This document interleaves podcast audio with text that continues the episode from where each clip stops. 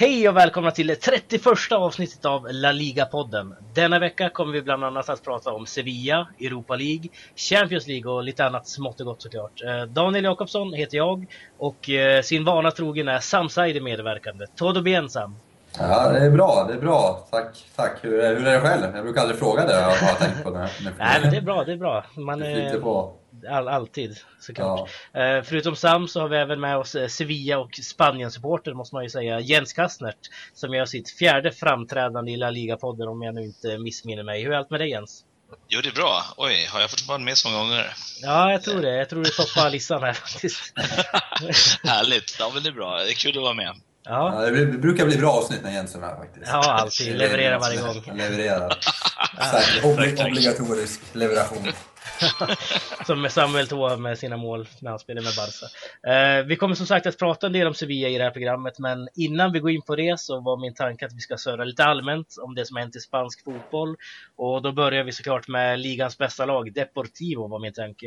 Eh, efter många om och men så fick nu Victor Fernandez sparken som manager för Deportivo och ersattes bara ett dygn därefter inför helgens match mot Real Sociedad. Eh, med Victor Sanchez, en annan Victor. Eh, Victor Sanchez har aldrig tidigare varit manager i en klubb, men eh, hans eh, starka emotionella koppling till Depor var väl en av anledningarna till att han fick det här jobbet. Nu. Han ju, var ju med i gamla Super Depor exempelvis, vann ligan 99-00. Ehm, vi börjar med dig Sam, hur ser du på att Victor Sanchez nu är ny manager i Deportivo? Alltså det, det, är lite svårt att uttala sig eftersom, precis som du är inne på, eftersom han inte är den mest rutinerade här när det kommer till det här. Eh, men eh, å andra sidan så, om vi bara tittar på resultatet här så, kan ju Depp, eller så fick ju Depp en effekt av det. Och nu när det börjar dra ihop sig så, eh, så kan det ju ge en liten effekt att man faktiskt, faktiskt kanske börjar ta lite poäng och eh, ja, kanske med lite flyt också hänger kvar. Eh, vi har ju kritiserat Depor väldigt mycket för att de inte liksom, tänker långsiktigt och så. Det här är ju bara något som bekräftar det, eller vår teori, eller det, det vi tycker och tänker. Ja, precis. Vad, vad tycker du Jens om att eh, Victor Sanchez kliver in här och nu är ny manager i Deportivo? Ja, jag är väl lite inne på samma, samma spår, men man vet väl ingenting om honom som eh, tränare. Man vet mer om honom som spelare och eh, kanske vad han kunde eh, erbjuda då till lagmoral och sånt. Men eh, hur är det taktiska kunnandet? Eh, vad, vad sägs på träningarna? Och mm. hur läggs det upp liksom? Ehm, jag tror på, jag tror att orutin är väldigt dåligt. Mm, jag tror precis. någonting skulle säkert göras, men jag undrar om det här är rätt. Ja, precis. Eh, jag märker nu att Sam har åkt ur här, men vi fortsätter ändå. Eh, Victor Sanchez har ju varit assisterande tidigare till Mitchell, eh, den gamla Getafe-tränaren bland annat. Um, mm. Och varit i Olympiakos och sådär. Han är ju, tror att de här emotionella banden nu, han har ju väldigt starka band med Deportivo här, Victor Sanchez. Han har ju ehm, spel, varit dels spelare och hans barn är uppvuxna där. De har haft ett hus där ända sedan han lämnade klubben och sen han liksom pensionerade sig från fotbollen. Mm. Um, tror du att det kan vara någonting positivt? Eller tror du snarare att det kanske kan bli för mycket emotionella kopplingar till Deportivo för Victor? Ja, jag kan vara inne lite på det eh, som, eh, som du är inne på. Allting är ju alltså klubben i hans hjärta och, och de sakerna. Gör man verkligen de rationella besluten eller gör man dem med en eftertanke att man inte vill såra någon för att det är, man har nära band eller så. Det, eh, det går ju bara att spekulera i en. men eh, såklart mm. roligt för, eh, för Viktor att få, att få göra hans första uppdrag i just Depor, men eh, vad det kommer mm. utspela sig till, det, det, får vi väl se när ligan är, är färdigspelad. Förhoppningsvis så, eh, så blir det bra, alltså mm. för, för klubbens skull och för Viktors skull såklart. Mm, vi vill ha kvar Depor då? Ja, absolut. Det, det vill jag. Depor är ändå ett av de lagen som är, som är roliga att ha i ligan och jag tycker det är ett, ett klassiskt lag som, som hör hemma i högsta ligan. Mm, härligt. Victor Sanchez ska jag även tillägga, han var ju överlycklig på presskonferensen ja. när de presenterade honom. Han var ju väldigt liksom, det här är en dröm som kommer i uppfyllelse, lite de där tankarna. Så jag personligen som håller på Deppor hoppas ju nu att han kan liksom föra vidare här nu att gamla super tänker. Det är ju bara Manuel Pablo som är kvar från den tiden i början av 00-talet. Vi får se. Eh, möter Atletico Madrid nu till helgen, så det var inte den enklaste uppgiften man fick direkt. eh. Nej, men precis. Men sen så är det, om man tittar rent krasst så är det alltså avståndet ner till om man tänker på Cordoba som jag nästan börjar känna som avhängda. Eh, och, och, så, så är det ju, mm. det känns som det är säkert för det, har, de har Levante under sig och strax ovanför så är det Elche och Eibar och jag tror, jag tror absolut att de kommer kliva upp två placeringar. Mm, härligt, det hoppas jag också. Eh, ett annat, eh, när vi är inne i Galicien tänkte jag, så mm. tänkte jag vi ska snacka lite grann om Celta Vigo också som nu vann eh, i helgen mot Rayo Vallecano med otroliga 6-1. Fantastisk match! Ja, helt otroligt. Santi Mina, 19-åringen, gör fyra mål där. Um, vi har varit inne tidigare, jag vet inte om du har varit med då, men vi har snackat mycket om Rayo Vallecano och deras spelstil. Det är väldigt offensivt, mycket så boll, uh, possession-spel liksom. Och nu mm. mötte man ett Celta som spelar nästan likadant som Rayo. Um, 6-1, uh, var det rättvist till att börja med? Alltså det som, det som händer i matchen så, så rinner det ju iväg lite grann. Uh, du har ju Rättvist och rättvist, ja det är det väl. 6 talar sitt tydliga språk. Men, eh, men som sagt, det, det rinner iväg lite grann för dem och jag vet inte riktigt vad som händer med, med Rayo där. Ska ju tilläggas att Rayo gör alltså ledningsmålet i första minuten. Ja, precis. Man, man tar ledningen och sen tappar man helt. Liksom. Sen bara faller det. Och ja. det, det visst är en tidig kvittering och sen när Santemina presenteras i runt 20 minuten så eh, dröjer liksom på, på 30 minuter sen så är matchen punkterad med 6-1. Så att, eh, mm. Och man märker av lite grann den här höga backlinjen som Paco Schemes kör i Vallecano också. När Celta Vigo bara springer bakom backarna. Man får liksom djupledslöpningar precis som man vill ha mm. de bollarna perfekt. Så eh, kan det bli sådana här siffror tror du? Bara för att Rayo liksom, och Celta Vigo, det här kan det lika gärna sluta 6-1 om det hade varit Vallecas eh, till Rayos fördel då. Blir det sådana här siffror bara för att de här lagen är så offensiva tror du? Tror jag absolut. Inget lag backar ju hem. De, de, de överger ju inte sin taktik i, i spelet, utan eh, Rayo vill ju såklart framåt och det öppnar ju luckor bakåt. Det, är inte någon, det finns ju inga hedersamma förluster direkt. Eh, utan det är bara att köra på och försöka göra vad man kan för att vända matchen. Men absolut, luckorna öppnas ju bakåt hela tiden. Just för Celtas fördel den här gången. Då. Mm. Både Santemina med fyra mål och Larivey som gör två mål i den här matchen. Ja, precis. Nu han, får ju, han får ju lika många bollar att löpa på han också. Så. Ja, precis. De har ju väldigt offensivt starka djupledslöpande spelare, Celta, mm. måste man ju lägga till här. Uh, nu är ju Sam tillbaka här i diskussionen, eller? Ja, jag är här nu. Jag sitter och lyssnar ett tag och det är klart jag skulle hoppa in här och bara säga okay. Ja, men härligt. Men vad har du för liksom, analys på den här offensiva fotbollen som båda lagen spelar? Kan det bli sådana här siffror bara för att de är väldigt offensiva eller är det bara liksom slump att det matchar? Nej, men jag sitter och lyssnar nu och jag håller med analysen ni gör. Eh, det här kunde ju sluta lite hur som helst och eh, vi har ju varit inne på det eh, gällande Paco Schemes framför allt, att hans fotboll är ju beundransvärt och vi gillar ju honom här i podden framför allt, det sättet han spelar fotboll med mycket possession trots det begränsade material han har. Och det straffar sig ibland och det här är ett sånt praktexempel på när det straffar sig. Mm, så att, precis. ja. Edward... Ja, förlåt. Nej, det, men det, det är som du säger, det har väldigt mycket att göra med att de är offensivt lagda på ett sätt som kanske inte alltid gynnar dem. Beror. Och det är samma sak med Eduardo Berizzo och Celta Vigo. Mm. Jag skulle precis säga det. De har alltså förlorat mot lag som Atletic hemma med 2-4 och man förlorar mot Villarreal med 4-1. Så det kanske ligger någonting i den här offensiva spelstilen att man straffas och man vinner lite om vartannat.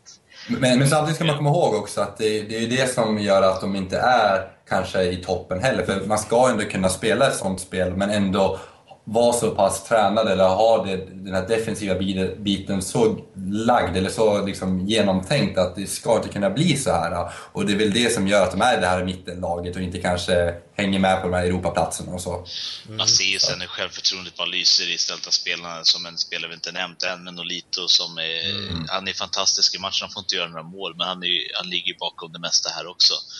Och sen en spelare vi har pratat, eller vi, ni har pratat väldigt mycket om också, är ju en spelare som Alberto Bueno i, mm. i Rayo. Han gör väl sin sämsta match för säsongen. Ja, och, och, då, och, då, och då faller allt. Ja. Ja, precis. Men å andra sidan snack om att de, den här speloffensiven gör att de inte kommer till absoluta toppen. Men kan det samtidigt vara tvärtom också? Att på grund av att de är så bra offensiva att de kanske inte är i botten heller? Vad tror du om det Sam? Jo, absolut. Jag menade kanske lite mer att just, för att de inte kanske utvecklat den här kontinuiteten eller stabiliteten i sitt spel, eller jämnheten. Det är väl det som inte gör, gör att de kommer upp i toppen. Men om man tänker långsiktigt som kanske, alltså som Paco framförallt gör, eh, som jag uppfattar det, eh, så kommer ju den biten. Det kommer ju utvecklas. Jag tror verkligen det kommer vara ännu bättre om man får bygga vidare på det här, tappa inte för många spelare och så vidare. Eh, så absolut, det kan också vara rent långsiktigt också rätt metod för att bli ett mer etablerat topplag eller vara med i toppen lite senare. Mm. Håller du med Jens? Mm, det tycker jag. Och eh, framförallt så också tycker jag att det är två väldigt roliga lag. Jag, jag har hjärta för både Celta Vigo och Rayo Vallecano här. Och att de huserar i mitten av ligan och, och det känns som att de kan bygga på någonting långsiktigt, men de är ändå före Sociedad i ligan och det är inte så jättelångt upp till att halka in på en Europaplats om de, om de fortsätter med det här eh, tänket. Så, så att det här är två lag som jag också verkligen vill ha kvar i högsta ligan för det, det är rolig fotboll och det är jag kan glädjas åt de här matcherna som är lite i skymundan utav eh, den stora scenen. Mm, att kliva in i La Liga-podden och säga att Celta har stort hjärta, det är djärvt. det är djärvt. Jag, jag vet. Men jag har också, vi gjorde det för länge sedan, en, ja. en ranking på klubbmärken och jag tror jag röstade om snyggaste klubbmärket i ligan också. Ja, ja, ja. okay. ja härligt. Vi, vi ska sätta stopp för del 1 så när vi är tillbaka blir det Sevilla.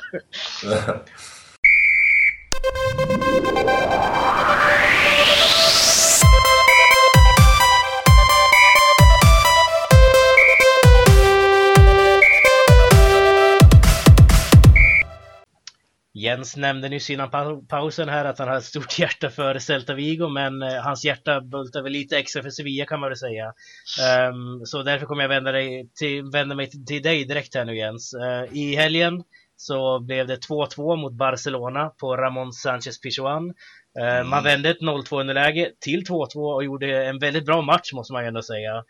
Um, kan du berätta lite grann om den? Eh jättebra match, eller jättebra, till, sett till resultatet väldigt bra. Den, eh, jag vet inte om det var 32 raka hemmamatchen utan förlust. Mm.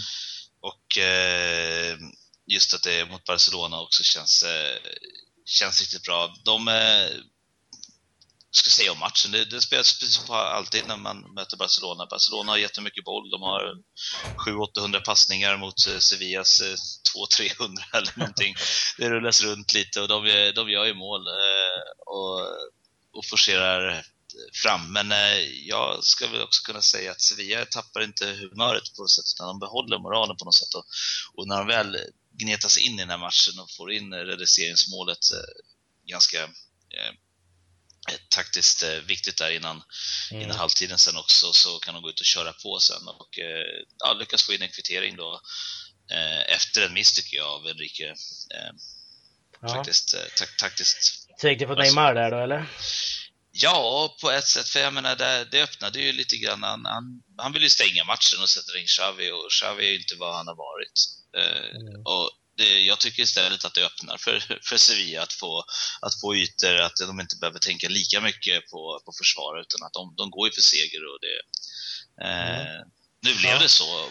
Rätt eller fel, ingen aning om hur han tyckte eller hur han ville motivera det, men eh, de tappade två poäng. Mm. Sen, om, sen om Neymar hade gjort ett mål till eller om, det, om Sevilla mm. inte hade gjort ett mål eller om de hade det, är så svårt att, att säga, men nu blev det, nu blev det ytterligare en kvittering. Så Ja, precis. Sam, du håller ju på Barcelona. Hur såg du på den här matchen? Vad gjorde Barca för fel, exempelvis? Eller vad gjorde Sevilla rätt? Snarare. Ja, först och främst så vill jag säga att eh, man märker ju verkligen att fotboll eh, handlar så sjukt mycket om små marginaler. Barcelona kunde mycket väl ha stängt den här matchen i första halvlek. Eh, kunde ha gjort 0-3, Suarez hade något läge där. Som kunde ha stängt den här matchen totalt. Och jag vet inte om det fanns någon baktanke där att man, ja, vi går in, vi, försöker, vi kör, öser på första halvlek för att sedan kanske dra ner tempot, ha lite Paris-matchen i, i baktanken samtidigt som vi kan ändå kontrollera den. Och det var där man misslyckades någonstans.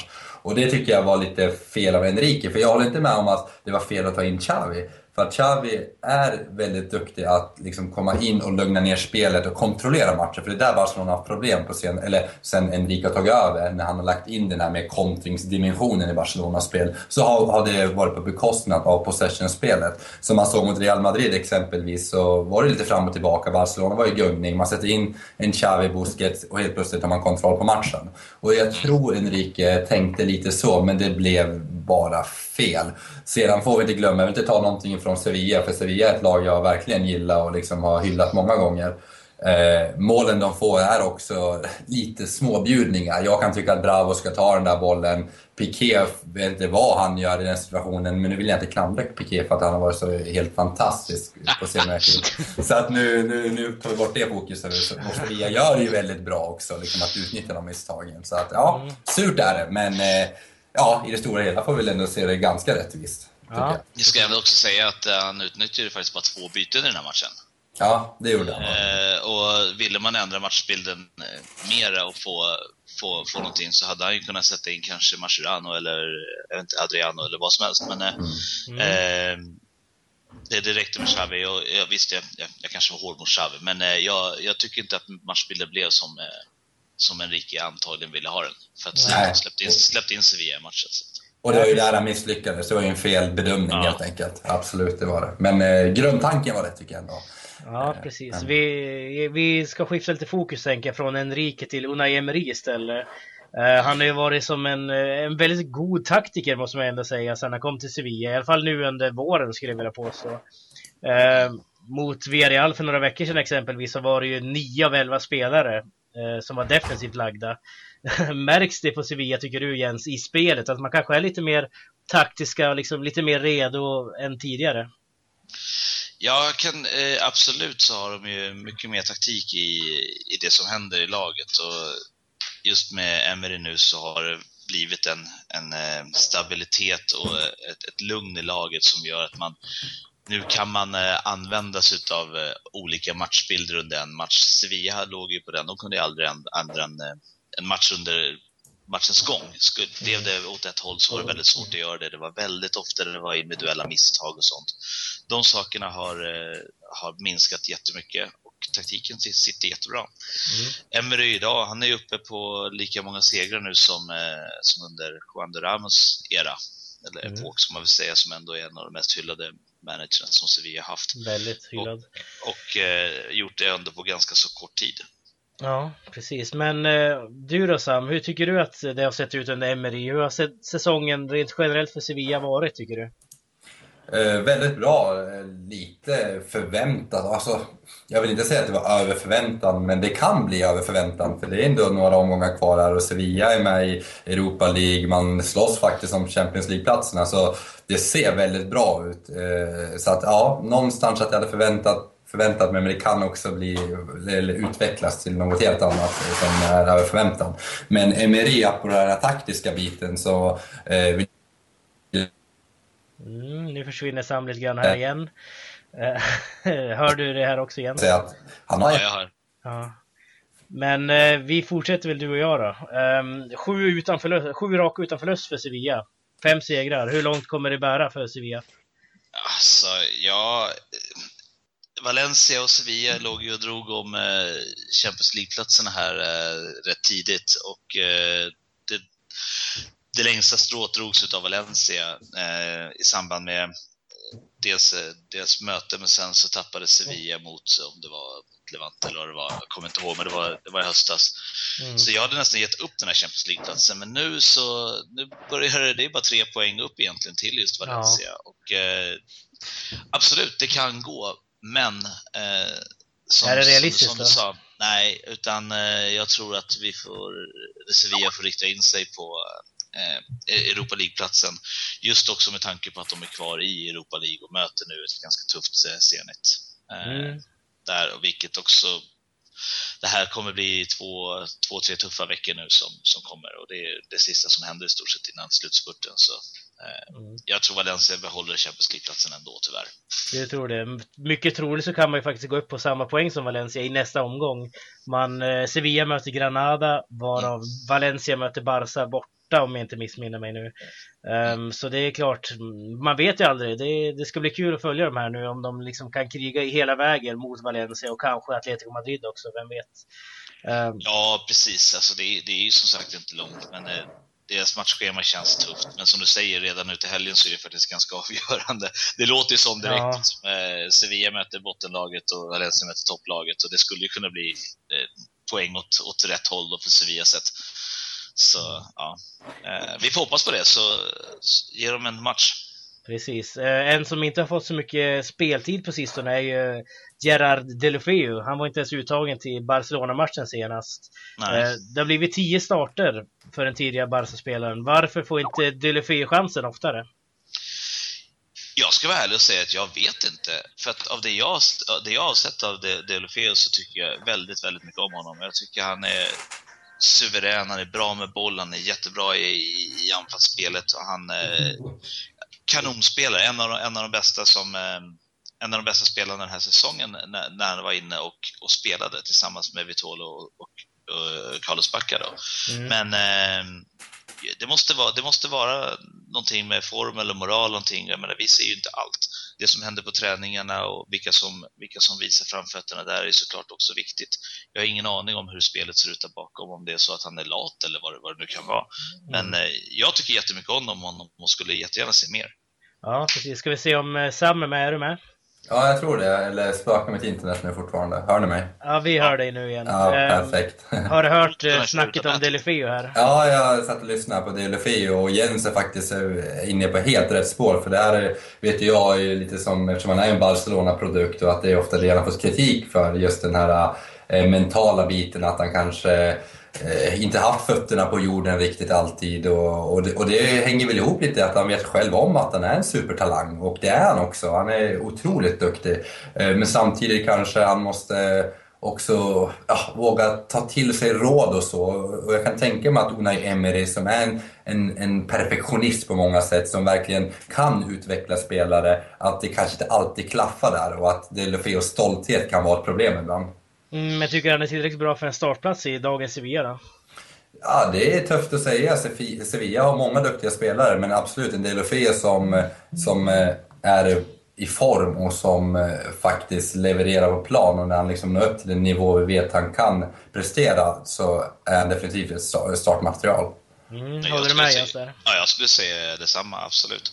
Eh, det här beteendet är ju lite vanligt, om, om du som du sa, om en talangfull spelare som eh, kanske inte gör det där lilla extra för att man vet att man har talangen. Ofta är det ju de som kommer lite, lite bakom som hela tiden får kriga, som tar mm. motgångarna bättre än, äh, än någon som hela tiden har, har haft det väldigt lätt för sig. Precis. När, när det börjar bli tufft så, eh, så, så blir det inte alltid eh, lika bra. Och, Han var ju ruggigt bra i Everton ska det sägas också förra säsongen. Mm. Nej, jag gillar honom jättemycket. Mm. Ja, härligt. Tyvärr, tyvärr blir han väl inte kvar i Sevilla till nästa säsong. Nej, kanske bara ska plocka hem honom. Ja. ja. Men vi ska faktiskt runda av del två här och när vi är tillbaka ska vi snacka Champions League och Europa League.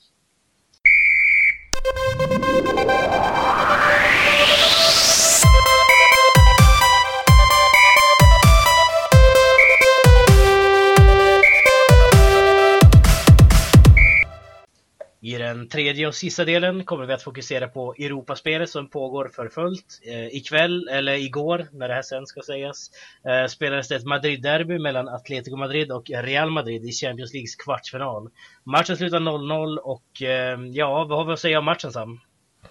Ja, eh, en väldigt eh, låst match kan man ju säga i alla fall. Eh, i, i mitt tycke väldigt tråkig och det kändes som att det var väldigt mycket nerver. Det var eh, en otrolig riskminimering. Ingen ville blotta sig, ingen ville släppa in ett mål kändes det som. Eh, samtidigt som jag kan tycka att Real Madrid ändå eh, med tanke på hur svårt de har haft det mot eh, Atletico Madrid på senare tid faktiskt stod upp väldigt bra och spelade stundtals bra. Det kändes, det kändes lite att det var de som var närmare det här målet, eller det var de faktiskt. Och att eh, de var otroligt fokuserade på, i alla aspekter på planen, i alla, i alla situationer helt enkelt. Och framförallt när det kom till fasta situationer. Tror inte det var farligt en enda gång eh, Atletico kom upp där.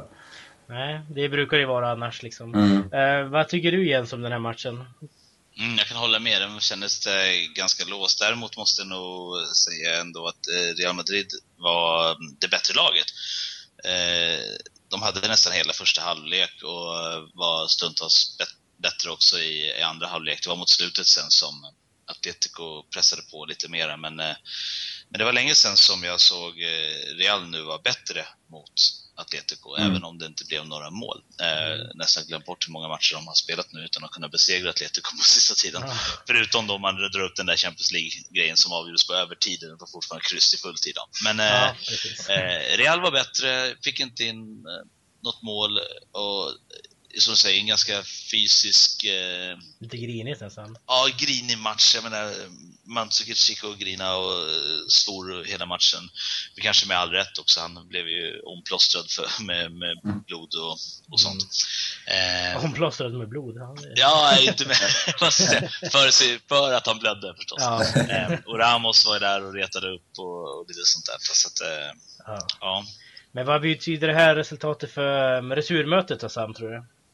Eh, det är väldigt öppet. Eh, jag skulle ändå vilja ge en liten fördel till Real fortfarande. Å andra sidan ska vi också komma ihåg att 0-0 eh, är det bästa avgjorda resultatet man kan få som hemmalag ändå. Så att, ja, det, det är väl lite fördel Real fortfarande, trots att de inte fick ett bortamål som ändå är otroligt viktigt. Så att 55-45 kanske från 50-50. Mm, vad tycker du Sam? Äh, Jens, förlåt. Nej, jag säger 50-70 alltså. Nej, eh, jo, det, det, är klart att eh, Real kommer ha fördel av hemmaplan då på ett sätt, men det vi har sett i de här mötena nu så vadå, blir det 2-1 eh, någonting så det här bortamålet kommer ju spöka. Real kommer inte kunna gå för fullt om de vet att de kan släppa in ytterligare ett bortamål eh, mm. och, och, inte, inte kunna gå vidare på, på de oavgjorda resultaten. Då. Så att, eh, eh, ja, men det är fördel Real, det är det. Mm. Precis, och ikväll när det här programmet släpps då så möter Barcelona Paris borta i Frankrike. Eh, man kommer nu senast från ett ganska tungt resultat i Barca ögon sett mot Sevilla då, eh, som vi var inne i del två. Eh, vad tror du Sam? Kan Barca vända på det här, den här lilla negativa trenden? Nu är det bara en match i och för sig. Tar man sig vidare mot PSG? Jag tror den här första matchen kommer bli väldigt avgörande framförallt. Eh, och jag tycker att Barcelona ska ta det här tillfället i akt med tanke på att Paris har väldigt många spelare borta och väldigt tongivande spelare. Jag tänker på Verratti, Ibrahimovic, eh, Thiago Motta och David Luiz. Och här har man chansen att faktiskt kunna stänga det här dubbelmötet. Det hoppas jag verkligen Luis Enrique förstår. Det. Jag tror verkligen han har tagit in det i sin analys. Och att man går för det och att man eh, inte fegar lite utan att nu stänger vi den här dubbelmötet i Paris för här har vi verkligen bra chans. Å andra sidan så gäller det att hitta den här balansen att, att det inte blir som förra gången man kom till Paris. För då var det lite samma sak att när Paris faktiskt slog Barcelona då var det också att man hade Ibrahimovic borta, man hade lite skadebekymmer och sen går man och slår Barcelona istället. Att det istället blir någon slags, ja, det här kommer gå av sig själv, de har så många borta. Så att, eh, jag vet inte, slår de ut dem ja, över två matcher så borde Barcelona göra det med den form de befinner sig i, även om det kanske är lite negativ energi just nu. Eller ja, jag vill inte säga att det är negativt, det ska nog... Det skulle nog krävas en förlust i alla fall, men ja, mm. jag vet inte. Ja, vad tror du då Jens? Vad har du för förhoppningar och förväntningar på den här matchen? Eller matchserien om vi säger så. Ja, jag tror också Barcelona går vidare efter två matcher. Ehm, det de borde göra, precis som Sam inne på, att köra fullt i första mötet. Då. Ehm, mm det, det, det, är klart en jämn tillställning. Det kommer vara marginaler som avgör, men eh, nej, jag tror Barca vinner. Mm, marginaler eller Suarez som vi brukar säga när han var i Liverpool i alla fall. Eh, men vad, vad, tror du då, när vi ändå är inne på Suarez? Kan han bli huvudperson här som matchavgörare? Ja, det är, de, det är de här matcherna Barcelona har köpt dem. Eh, alltså det, det här är ju liksom, det är det här han brinner för, den här vinnarskallen Suarez sa. Han är ju de stora matchernas man kan jag tycka. Att han mm. har en tendens att kliva fram när det väl behövs. Eh, och det har han gjort nu också de senaste månaderna för Barcelona. Jag tänker på Manchester City i Manchester, totalt matchavgörande. Han går och avgör ett Clasico. Han har hittat rätt nu, han har fått veckans Tokiero, bara det är stort. Eh, så att, eh, ja, han är på rätt väg och eh, jag tror mycket på Suarez. Jag tror han kan, bli, han kan vara skillnaden. Mm, men vi är alla eniga alltså om att Barcelona förmodligen tar sig vidare här mot PSG alltså. Mm, Eh, det kommer de göra. Ja, men det gör de utan Neymar också efter hans eh, utspel mot Enrique i helgen. Just det, ja. Ja, ja. Eh, gjorde obscena gester och sånt när han blev utbytt. Så att eh, det blir Messi och Suarez som kommer spela som anfallare för eh, Barcelona där och då, då, då är det de två som avgör. Mm. Härligt. Eh, På torsdag så har vi även då ditt Sevilla då. Eh, Jens som kliver in i Europa League mot Zenit. Också kvartsfinal för den delen. Eh, Man börjar hemma, åker till Ryssland veckan därpå. Zenit är ju faktiskt ligaledare i Ryssland. Mm. Ganska överlägset måste jag ändå sägas. Och ehm, jag tror att det, om jag ska få lägga in min åsikt är att det kan bli ganska tufft för Andalusien det här. Ehm, vad tror du Jens? Ja, det kommer bli jättetufft. Hela, hela serien som den ser ut framåt också, det är mycket öststater med. Vi har Dynamo Kiev och eh, Dnipro i de andra mötena som de kan ställa sig mot om de går vidare sen också. Så det, det känns som att det är, det är öst som kommer gå längst i år. Det har varit Spanien ganska ofta här, eller västsidan då. Men eh, Zenit som leder ligan, jätte, jättebra, kommer bli toksvårt i Sankt Petersburg. Så att eh, hemmamötet på torsdag måste vara där måste de verkligen vara taggade. Mm. Och inte kanske bara kryssa där, utan gärna vinna med två mål. Mm, hur går det för Sevilla, Sam, nu på torsdag? Eh, jag, jag, tror, jag hoppas de går vidare. Jag håller ju på Sevilla i Europa League nu. Eh, men eh, är det fortfarande Spalletti som är tränare för Zenit? Eller någon som har koll på det? Eh, Pass. Jag passar på den faktiskt. Ja, om det, ja, för, jag är osäker, för han har varit kvar så länge i så fall. Och eh, ja, nu är det lite dålig koll här på rysk fotboll.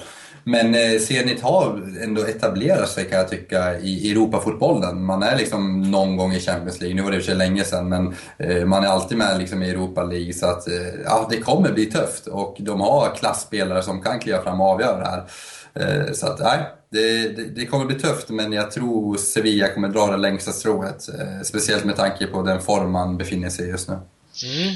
Vem Vi får då hoppas att de kör, eh, kör all in där och sen så kanske det blir eh, ligan som blir lite eh, där, därav. Att de kanske bara kommer efter Valencia, vad säger till slut.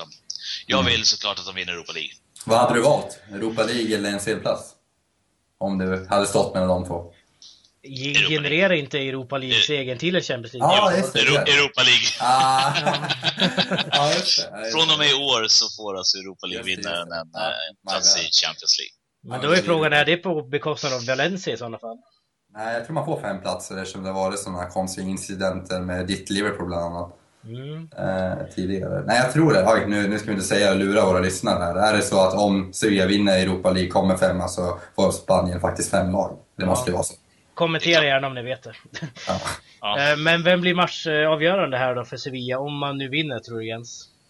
Ja, jag var ju lite inne på eh, Ever Banega här som var helt lysande senast och var bäst på plan i stort sett för, för hela laget och verkligen lyfte moralen i, i laget. Så, så vi har pratat lite grann om de andra viktiga spelarna, men Banega nu under Emery har blomstrat ut i, Mm. i Sevilla och gör, det- gör det riktigt bra. Eh, Ja. Han har ju varit en liten sån värsting eh, typ som ingen kan tygla riktigt och, och sådär. Och är han på dåligt humör så kan, kan han fälla ett helt lag med sig. Men, eh, men under Emery, ja, han, har- han har lyckats. En väldigt ifrågasatt värvning också var det ju tidigare. Det var, det var mycket snack om det här i höstas. Så. Mm. Ja, precis. Um, vad tror du då Sam? Vem kan fälla avgörandet för Sevillas del? Vi håller ju såklart på Sevilla här. Mm, ja, det är väl, man måste väl nämna Carlos Bacca här va? Eh, ska han göra något obligatoriskt mål? Eh, jo, jag tror Carlos Bacca kommer kunna stänka dit en boll. Jag tror, eh, jag tror faktiskt inte kanske någon spelare. Jag har så stort förtroende, eller jag, jag är inte Sevilla-supporter, men för eh, Unai Emery i de här sammanhangen. Han har fått så mycket rutin nu på något sätt och han är, han har, han är väldigt taktiskt skolad så det känns som att hans rutin, fast han är fortfarande väldigt en, en ung tränare, också kommer vara till deras fördel. Oavsett om det är Spalletti som är tränare eller inte. Ja, precis. var lite på, se på just Emerys eh, röda eh, armbågslappar på kavajen. Det var lite när Del Nido körde sin hatt i Copa Ja, del Rey. Så när han, har, när han har den kavajen på sig med de röda armbågarna, då, då vinner vi. Kommer du Ja. ihåg när vi körde Radio La Liga? Då hade vi året satt till och med och det fick ju Delin Ja. utan tvekan. Ja, varje gång. Ja, men vi ska faktiskt runda av eh, programmet här nu. Men innan vi gör det så ska Sam köra veckans Tokyo och veckans Faubert. Ja, ja, men veckans Tokero tycker jag känns ganska självklar. Även om jag själv vill lyfta fram ett lag som Malaga som har gjort det bra så måste jag ändå välja, tycker jag, för Santimina. En talang som vi bör hålla ögonen på. Gör fyra mål, vilket är otroligt imponerande. Och eh, ja, det må vara hans första fyra mål, men det är definitivt inte hans sista. Nej, 19 Så år veckans, gammal. 19 år gammal. Veckans Tokero Santimina. Eh, veckans Faber får gå till Villarreal som har raserat helt. Jag vet inte vad som har hänt. Jag kommer ihåg att när Zoran Soric var eh, gäst i podden och vi snackade lite om Atletico och huruvida de slåss om sedelplatsen så räknade han med Villarreal i sin analys som en kandidat till den här sedelplatsen. Och jag var lite skeptisk då, men jag trodde inte jag skulle, eller jag trodde inte de skulle fallera så här mycket, att de skulle bara rasa. För nu har de förlorat många matcher, eller inte, ja, jag vet inte hur många matcher de har inte har utan seger här. Jag tror det är nästan sex matcher, eller sju. Eh, Så att, eh, nej, veckans eh, Faubert eh, går till, eh, ja vad ska man säga, kanske inte Villarreal, men deras form om inte annat. Mm, precis, det är väl Sevilla som har dragit ner dem med skiten. Alltså, Ja, tre, jag skulle säga tre, tre av tre förluster. tre möten eh, avgjorde, knäckte de totalt. Exakt. Precis. Köper du listan här som man lägger fram, Jens? Ja, det tycker jag. Eh, Dock ska ju sägas att Villarreal kommer ju troligtvis klara en Europaplats i år ändå, även om de har en dålig form just nu. Men Mm. eh, formen är som sagt inte bra och jag kan ju bara glädjas åt det för att det, det är som sagt mindre Sevilla, de har ju konkurrens. mött, Ja, de har ju mö- mötts där tre, tre gånger här nu, en gång i ligan och sen så i, i Europa League då. Ja, precis. Ja, men härligt. Tack så mycket för att du ville vara med den här veckan, Jens. Ja, tack själv. Det är alltid kul att vara med. Ja, eh, tack till dig också Sam. Eh, vi hörs nästa vecka. Då är vi tillbaka med ett nytt program och en ny gäst. Hej då!